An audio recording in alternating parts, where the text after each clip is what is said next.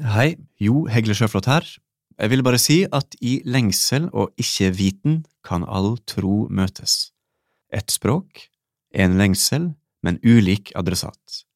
Arupagos ønsker velkommen til flerreligiøs bønn i Jakobkirka 12. mars, 9. april og 14. mai klokka sju. Se mer info på areopagos.no. Du lytter til podkasten til Etter Kristus. Nå har vi jammen meg ikke kommet ut med noen ny episode siden mai. Og det er det flere grunner til. Eh, sommerferie, naturligvis, eh, men kanskje aller mest det at vi har fått inn en ny leder av Etter Kristus. Ruth Birch Skreie tok i august over min gamle stilling som leder av Etter Kristus. Jeg, altså Stian Aarebrot, jeg har gått over i en ny stilling i Areopagos som ansvarlig for trospraksis. Der bl.a. Etter Kristus sitt arbeid hører innunder, da. Ehm, det kommer snart en episode der Ruth og jeg både mimrer om oppstarten til Etter Kristus i 2009 og helt fram til nå. Och og ikke minst ser vi framover. Ehm, hvor er Etter Kristus om fem år og ti år osv. Ehm, men mens vi venter på det, så tenkte jeg vi kunne høre på Eh, episoden, denne Min praksis-intervju-episoden med Ulla Kjell. Et gjenhør med den episoden. Um, Ulla har jobba med retreat omtrent hele sitt voksne liv. I tillegg er hun en meget eminent klassisk gitarist med mange plateutgivelser og bokutgivelser bak seg. I det intervjuet her så snakker vi mye om det der med bønnespråk. Hva er egentlig bønn? Og kan sykkelmekking ses på som en måte å be på? God lytt.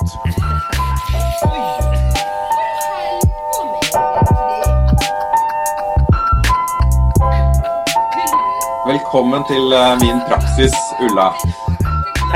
Eh, vi inviterer jo ulike folk eh, til å snakke om en trospraksis. en praksis som er viktig, en viktig ingrediens i deres eh, religiøse liv. Eh, og i dag så skal vi snakke rett og slett om den personlige bønnen.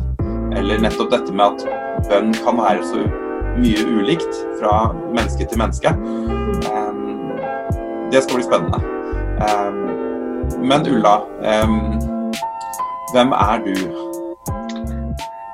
Det är en stor fråga. Ja, vad ska man säga? Jag är från Sverige. Ja. Jag är Mhm. gitarrlärare i botten och så diakon i Equmeniakyrkan. Och så 91 så blev jag utlånad av Equmeniakyrkan eh, som diakon då, till norska retreatrörelsen. Ja. Eh, och sen dess har jag arbetat med retreat på olika sätt. Jag har jobbat på kulturskolor som gitarrlärare också. Men eh, mest av allt så har jag jobbat på Thomasgården jag Ja. var fast husfolk där och daglig ledare en period och så när jag slutade där då, då, då hade jag drömmen om just en smak av retreat. Eh, att jag tänkte så här att det är så många som aldrig kommer åka på en retreat. Man har så många olika eh, tankar runt det med stillhet och tystnad. Eh, så jag ville åka ut till människor där de bor för att de ska få en smak av retreat. För att känna efter, du vet, att är detta något som hade varit mig till hjälp? Mm. i livet och i tron. Mm. Och, så det har jag gjort då det sista och ja, sen 2012 är jag väl bara frilans och reser runt till olika retreatgårdar och till olika menigheter och Mm. ja, både med retreat och andlig vägledning och till C och eh, gitarr. Du, du er mye på reise, med andre ord. Väldigt mycket. Ja. Og så skriver du bøker. Ja, Det har blitt ganske mange bøker etter hvert også.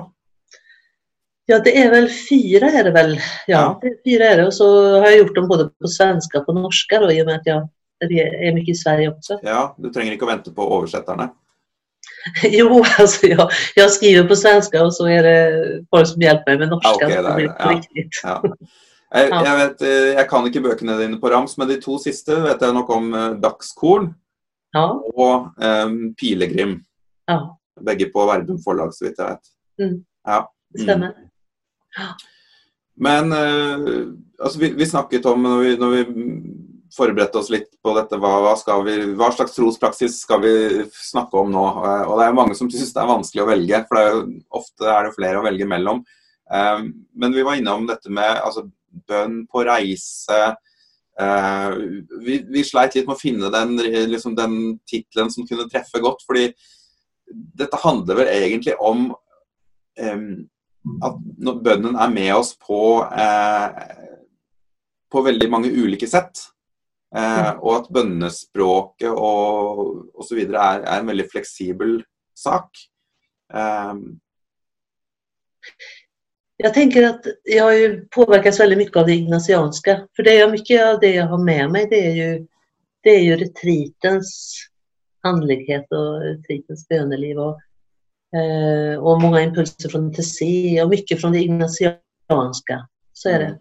Och jag tänker eh, det ignatianska och det jesuitiska så att säga, det är ju en väldig rörlighet.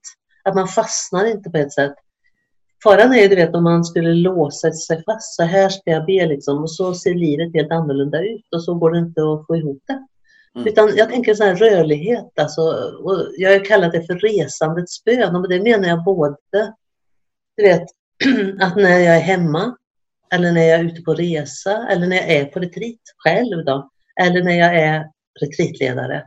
Att hitta, alltså hitta den bön som är livgivande, tänker jag. Och det tydligaste är ju för mig då, du vet, eh, skillnaden på när jag är hemma eh, mot när jag är på retreat och ger retreat. Då. Mm.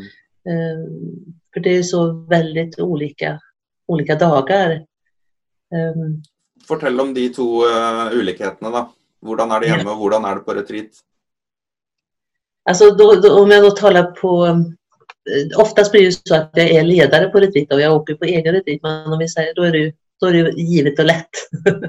men när man är retreatledare eller eh, då är det ju ändå en fast struktur i dagen ofta med tideböner.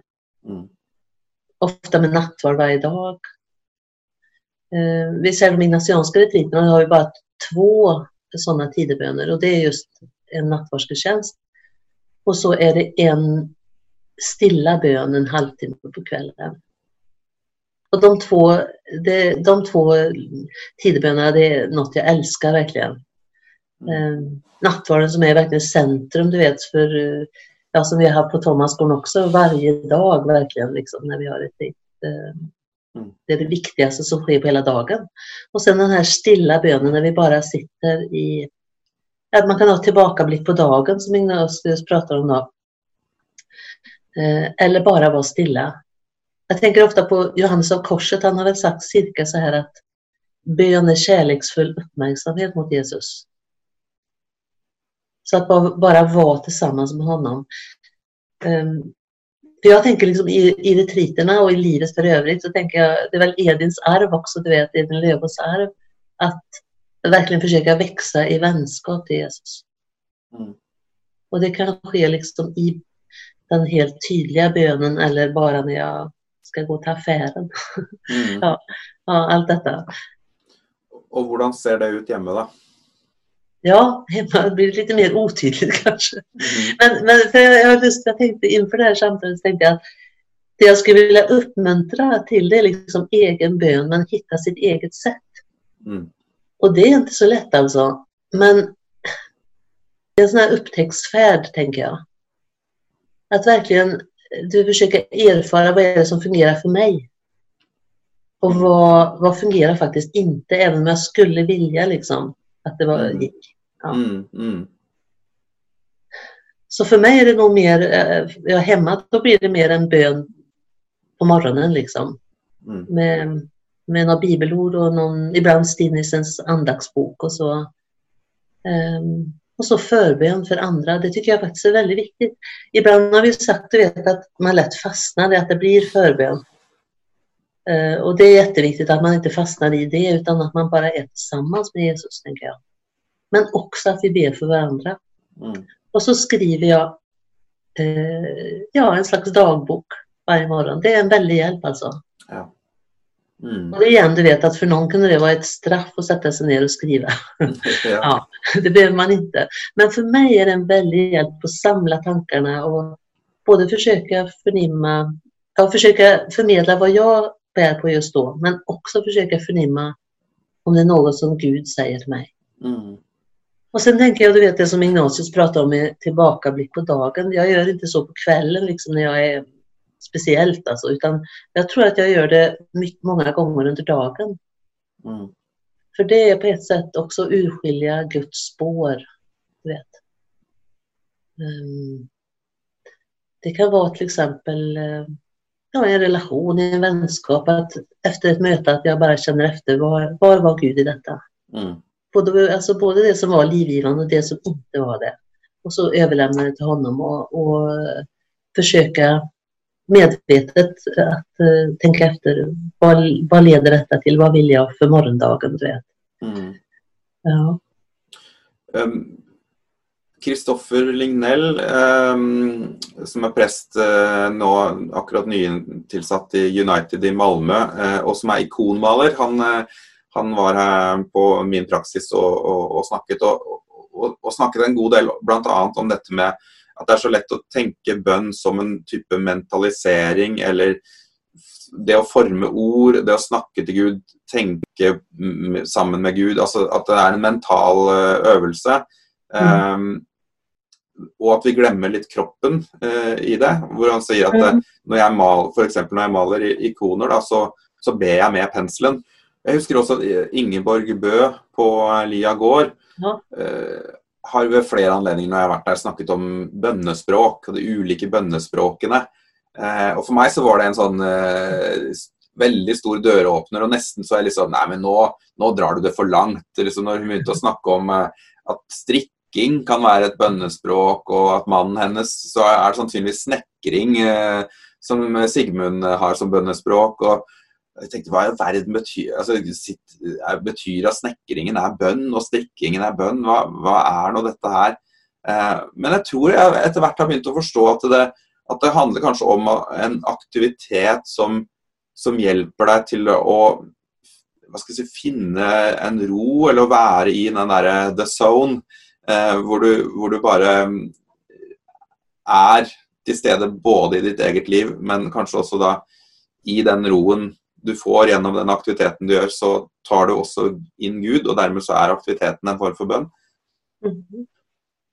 Jag tänker, du vet att, att Gud är eh, skapandets Gud, eller han är skaparen. Liksom. Så när är du skapare, du vet, mm. i livet? Eh, det finns ett vackert ord från eh, det Saltaren, då, psalm 49, vers 5 tror jag.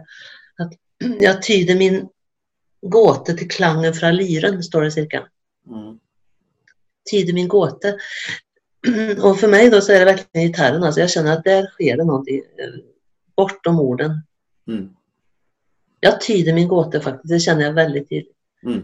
Och då tänker jag att jag tror verkligen att varje människa har sin lyra. Det kan vara snickare som du sa, eller stricka. Jag hade sådana här föredrag och spela gitarr på Strickefestivalen i, Fredrikstad. Mm. Och så fick damerna lov att sitta och stricka. Och så sa jag till dem att kanske det kan vara så att sticken kan vara en bön. Och de såg så lyckliga ut. ja. mm. Jo men du, jag tänker ibland så här, eh, som det heter på norska, när är du på ditt bästa? Ja. Det kan vara något som inte verkar alls andligt så att säga, men alltså det med att Gud är skaparen, han är ju alltså livets vän, du vet. Mm. Så, så det är väldigt spännande alltså, om, om man gör det man verkligen känner att nu är jag helt ett med mig själv. Där, alltså släppa in Gud i det. Mm. Och låta det bli en bön, även om det inte är det där som vi traditionellt tänker är en bön. Då, då är det det att utvidga bönen. Mm. Jag tänker vi har gjort Gud för liten annars. Liksom. Han har ju, ja, han har ju mm. skapat hela livet hela världen, alla träd, allt, allt vi vandrar mm. runt i och varandra. När jag började med en smak av retreat så tänkte jag på du vet, den här lame mannen som det står och berättat om. Som då inte kunde ta sig till Jesus själv, men de här fyra vännerna bar honom. Och så står det att när Jesus såg deras tro så talade han då till mannen och hjälpte honom.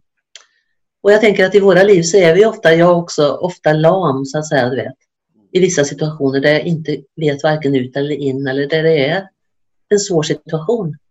Så då, då har jag praktiserat det, liksom, att jag har fyra vänner som ber för mig. Så då skickar jag ut små bönebrev liksom. Och, ber, och säger nu är det så här. Och, eh, så kan det vara någon speciellt tillfälle att just idag så skulle jag behöva förbön för detta. Mm. Och jag, jag, tror verkligen, och det har jag hört på mig i många år då, um, det är en stor, stor hjälp för mig. Jag känner att jag går inte iväg ensam. Utan jag har med mig dem liksom. Mm. Mm. Um, och det är samma, du vet, när jag reser runt så känner jag inte att jag reser runt som Ulla bara, liksom, utan jag är liksom som en del av retreatrörelsen. Och också med de här, de här förebedjarna, att de är med. Ja. Emissären. ja. ja. Jeg, jeg tenker, altså det, er, det, er, veldig fascinerende dette med å snakke om hvordan altså Når er du på ditt beste, og når kjenner du at du, liksom, du er virkelig til stede i livet, i nuet. da. Eh, og For meg så er det faktisk no, noen av de virkelig mest sånn tilstedeværende øyeblikkene hvor jeg kjenner at nå har jeg det skikkelig godt. Det er når jeg står, sitter og, eller står og mekker på en sykkel. Eh, og finner løsninger for hvordan jeg kan få sykkelen til å fungere igjen. Og kjenner at, eh, at skillsene mine da, blir, virkelig blir, eh, blir brukt. Eh, uh, og at jeg løser noen gåter underveis som jeg ikke finner ut av. Så finner jeg tvert ut av det osv. Da, da er jeg utrolig til stede. Uh, og jeg, og jeg, jeg har liksom gradvis begynt å våge å tenke at at når jeg er i den situasjonen, så, så er det på en måte en uh, Gud og meg. Um, da, da, er jeg veldig til stede, og, og, dermed er også Gud veldig til stede. Um, det er jo også interessant når du nevner dette med uh, altså Både vi snakker om bønnespråk og, og ikke minst Edins uh, uh, store hjerte for å, altså aktivismen og det å være til stede for andre mennesker. Eh, denne historien til eh, Leo Tolstoy om den vesle skomakeren. Mm. Eh, som jo sitter i, fattig og alene i en kjeller, liten kjellerbutikk, eller hva man skal kalle det. og leser i Bibelen og, og, og leser om, uh, om Jesus og, og, ønsker og ber til Jesus om at han må komme på besøk. Og Dagen etterpå så opplever han at Eller Jesus sier vel til han kvelden før at i morgen skal jeg komme på besøk. Men han opplever aldri at Jesus kommer den dagen etterpå. Uh, han sitter der bare og, og, mekker på skoene sine. Og, så kommer det noen mennesker inn underveis i dagen som, som trenger hans hjelp. Hvor han gir bort sin eh, avdøde kones klær, og han gir et barn eh, noe mat og, og varme osv. osv. Men underveis mens han snekrer, eller ikke snekrer, men holder på med skoene sine, så, så spør han eh, Eller når, når, skal du komme, Jesus? Og så får han jo det svaret som jo vi, vi som har läst Eh, eh det stora kapitlet är det Matteus 20 om det du gjorde mot mig Det, du, det, du gjorde mot disse mine minste, det gjorde du mot mig Så får han det svaret att jag var där när, när disse kom på besök. Men jag tänker, det är nästan så det slår mig lite när, när vi snackar om detta att ja, Gud var, eller Jesus var där inte bara när de människorna kom på besök heller, men kanske han faktiskt var där i eh, skomakergjerningen hans, när han faktiskt satt och, eh, och lagde og reparerte sko. Altså det også var en form for um, en form for bønn, en, en måte å, å, å, sitte der med Gud, da. Uten at han selv kanskje var helt bevisst på at Gud var der. Mm. Ja, för det, annars blir det ju att veta att vi gör Gud väldigt liten liksom. Mm. Om man inte är med dig där du eh, mekar med cykeln till exempel, utan bara då när du sitter med, med bibelordet eller ber tidigt, då gör vi Gud väldigt liten. Och då blir man väldigt så här eh, livsfientlig på ett sätt. Mm. Precis som att det med cykeln eller med skomakar, skomakeriet, att det är inte viktigt alls. Liksom. Mm. Men Gud är ju mycket större. Mm. Och jag tänker att kanske också, du vet, det jag skulle vilja säga är att jag tror att, att vår bön också är större än vi tror. Mm. För det farliga tycker jag när man pratar om bön, och det kände jag inför idag också, att väldigt lätt att tänka att nu minsann så måste jag ha något väldigt bra att säga, du vet. Mm. Eh, och, alltså, och så fort man säger ordet bön så kan många få ett dåligt samvete, liksom huka ihop sig och tänka att nej, jag får inte till det liksom. Du mm. vet. Mm. Men vad med då om man klart du vet, att utvidga vad som är bön? Mm. Cykeln eller gitarren eller vad det nu kan vara. Um, att om vi tar den här eh, skomakaren, du vet, alltså vi säger Guds smärta över att inte skomakaren tar, alltså, ser honom eller eh, låter han vara med liksom, utan bara väntar på att han ska komma. Och så är Jesus där hela tiden. Mm. En, en smärta alltså, tänker jag. Mm. Ka- Faktiskt. Kanskje er det også at man må utvide altså Istedenfor å tenke på hva utvide hva bønn er, så må man begynne med å utvide hva Gud er. Eh, altså at Jeg tenker nesten eh, at eh, Eller ikke bare nesten, jeg tenker og mener at Gud er verdslig. Ja. Gud er, Gud er eh, verdens gud. Eh, og det materielle, alt det materielles gud. Eh, eh, både skaperen av det, og den som også er til stede i, i skaperverket. Ja. og hvis Gud er verdslig, så blir jo alt det vi gjør, noe vi kan gjøre i Gud og med Gud. Det är väldigt spännande för det är ju på ett sätt att hålla ihop detta som vi säger så mycket, du vet, sann Gud, sann människa, att Jesus är Ja. det. Ja. Alltså, inte bara det materiella då liksom och inte tacka, tacka han som har gett oss det liksom. Utan alltså bara ta emot gåvan men strunta i givaren så att säga. Mm. Men, men ta, med, ta emot det materiella från hans eh, händer och låta det andliga vara med liksom. Det är väldigt, väldigt spännande. För det, Mm.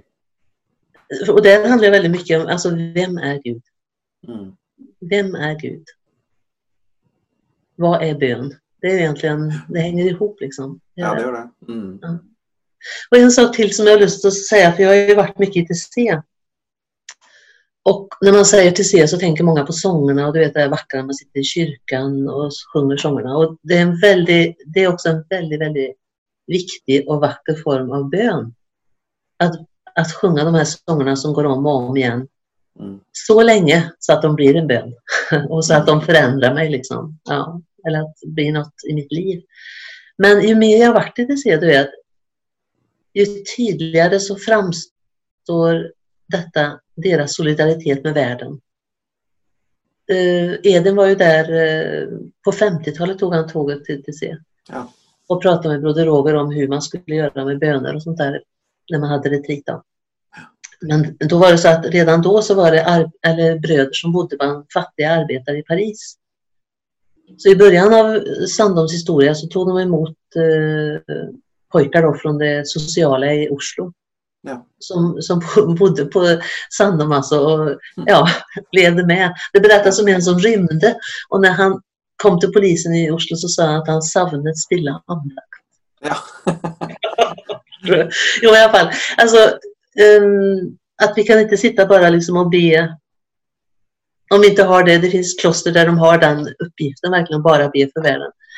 Eh, utan att agera så att säga. Men, men eh, i TC så är det så tydligt, att bröderna kommer från hela världen.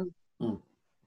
Jag vet, jag pratade med någon broder precis när jag fått veta en, en nyhet från en annan del av världen. Och han sa, ja jag vet, vi har varit i kontakt med vänner där, du vet. De har kontakt och de är så aktiva. Mm. Så att, att, och, det är också det som vi har pratat om du och jag förut, att Edens smärta över retreat, um, retriterna, att inte, det har varit lite större social och politisk liksom, eh, bevissthet efter retreatrörelsen. Liksom. Även om jag tror mycket sker utan att vi vet om det. Mm. Men det är så otroligt spännande. Igen, vi pratar om här, du vet, att hålla ihop det materiella och det andliga, men alltså hålla ihop bönen och kampen för världen. Mm. Det är en väldigt spännande och svår Mm. balans, men viktig. Liksom. Mm. Ja. Mm. Ulla, jeg tror vi har brukt opp tiden vår. Ja. Ehm, men tusen takk for denne samtalen. Eh, her kunne vi sitte og snakket en eh, lang kveld, tror jeg. Takk, Ulla, for samtalen. Tack ska du ha. Og Guds fred over dagen og framtiden. Tack Ha det godt. detsamma.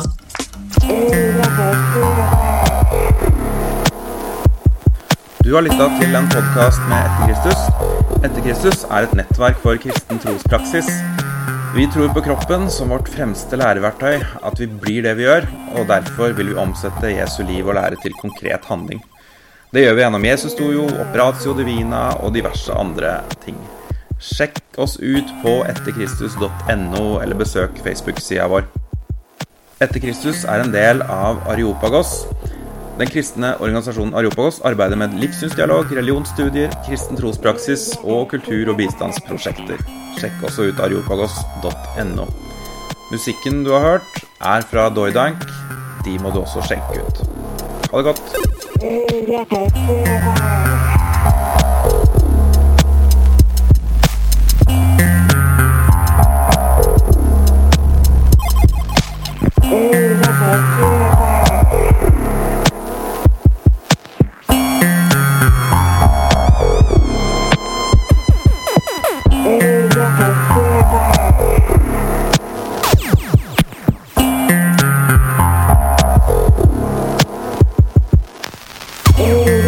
through the.